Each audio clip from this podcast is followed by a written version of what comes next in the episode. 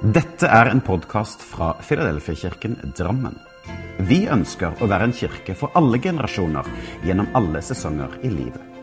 Vi håper denne talen vil skape noe godt, og at du kan finne både håp, trøst og styrke i den kristne tro.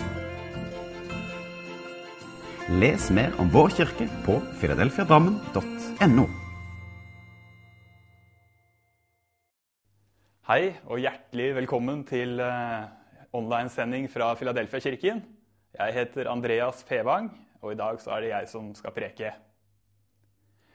Så jeg starter rett på. Eh, første Mosebok, kapittel 1, vers 1, så står det i begynnelsen skapte Gud himmelen og jorden. Eh, og Det er et av mine favorittvers. Eh, og jeg elsker Gud, og jeg elsker Bibelen.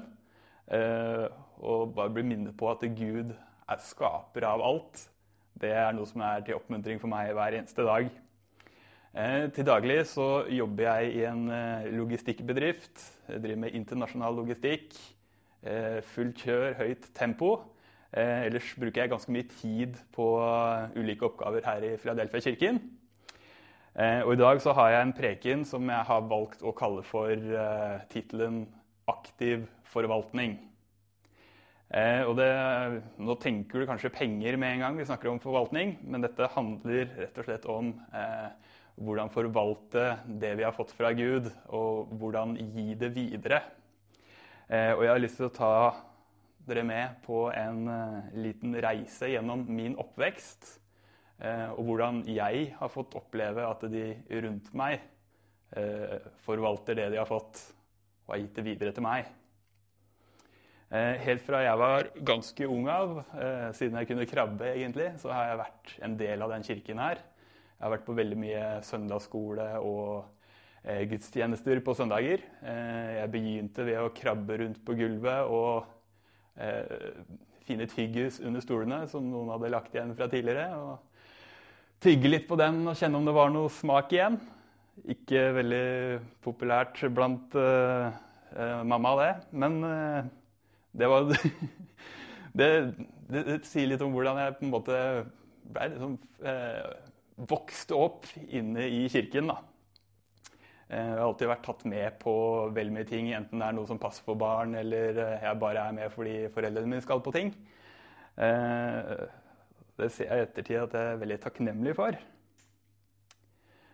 Jeg har lyst til å dele et vers som står i ordspråkene kapittel 22, vers 6, så står det Lær den unge den veien han skal gå, så viker han ikke fra den når han blir gammel. Eh, og jeg eh, merker mer og mer jo eldre jeg blir selv, at det, har vært en veldig velsignelse å ha kristne foreldre og også mye kristen familie. Eh, jeg vet at det er ikke normalt lenger, så det er jeg veldig takknemlig for. Eh, jeg hadde bl.a. Eh, en morfar som eh, var pastor hele livet. Bl.a. i kirken vår i Drammen. Han likte også Manchester United. Og når vi ikke var i kirken, så snakka vi kanskje mer om Manchester United sammen. Og skihopp og mye sport og reising verden rundt enn vi snakka om Jesus.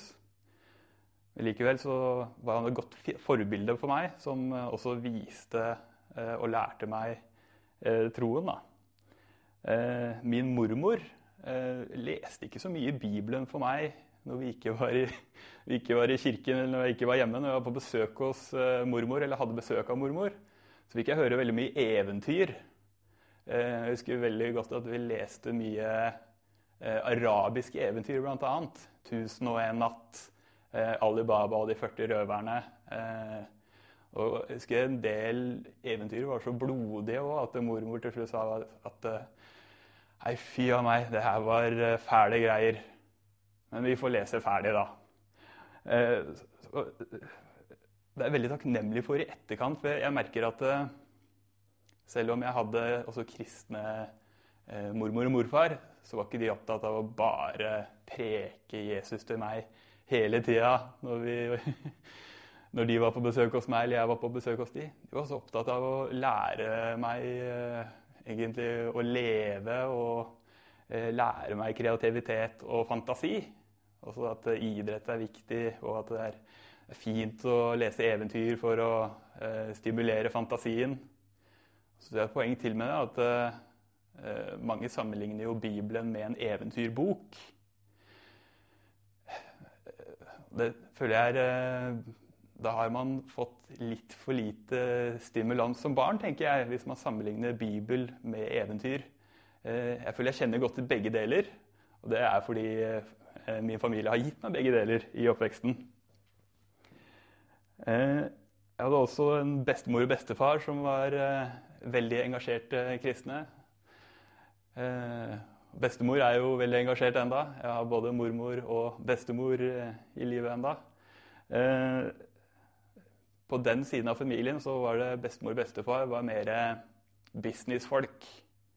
Eh, så de var ikke pastorer og hadde gudstjenester og hadde det som en jobb. Men jeg tror jeg aldri har vært borti noen som har Jesus så utapå drakta som bestefaren min hadde.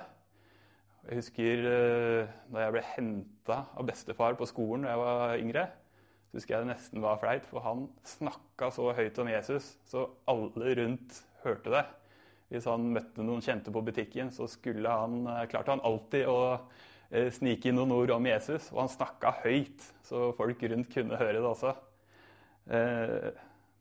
det var, kunne nesten være pinlig til tider. men Samtidig så ser jeg liksom etterpå at eh, wow, for, eh, for et eh, engasjement og for en, for en frimodighet han hadde. Bestemor husker jeg var den som på en måte gjorde jobben på hjemmebane. Jeg husker jeg overnatta hos bestemor og bestefar da jeg var yngre. Og bestefar var med å drive en Philadelphia sin radiokanal eh, tilbake i tiden. Eh, og da husker jeg bestemor satt og sang på sånne kristne sanger hele tida. Hun kunne alle sangene, og hun sang hele tida. Eh, der blir det blir som om man er i en slags eh, sånn eh, tidvis en sånn kristen boble. Det var liksom med disse business-besteforeldra mine.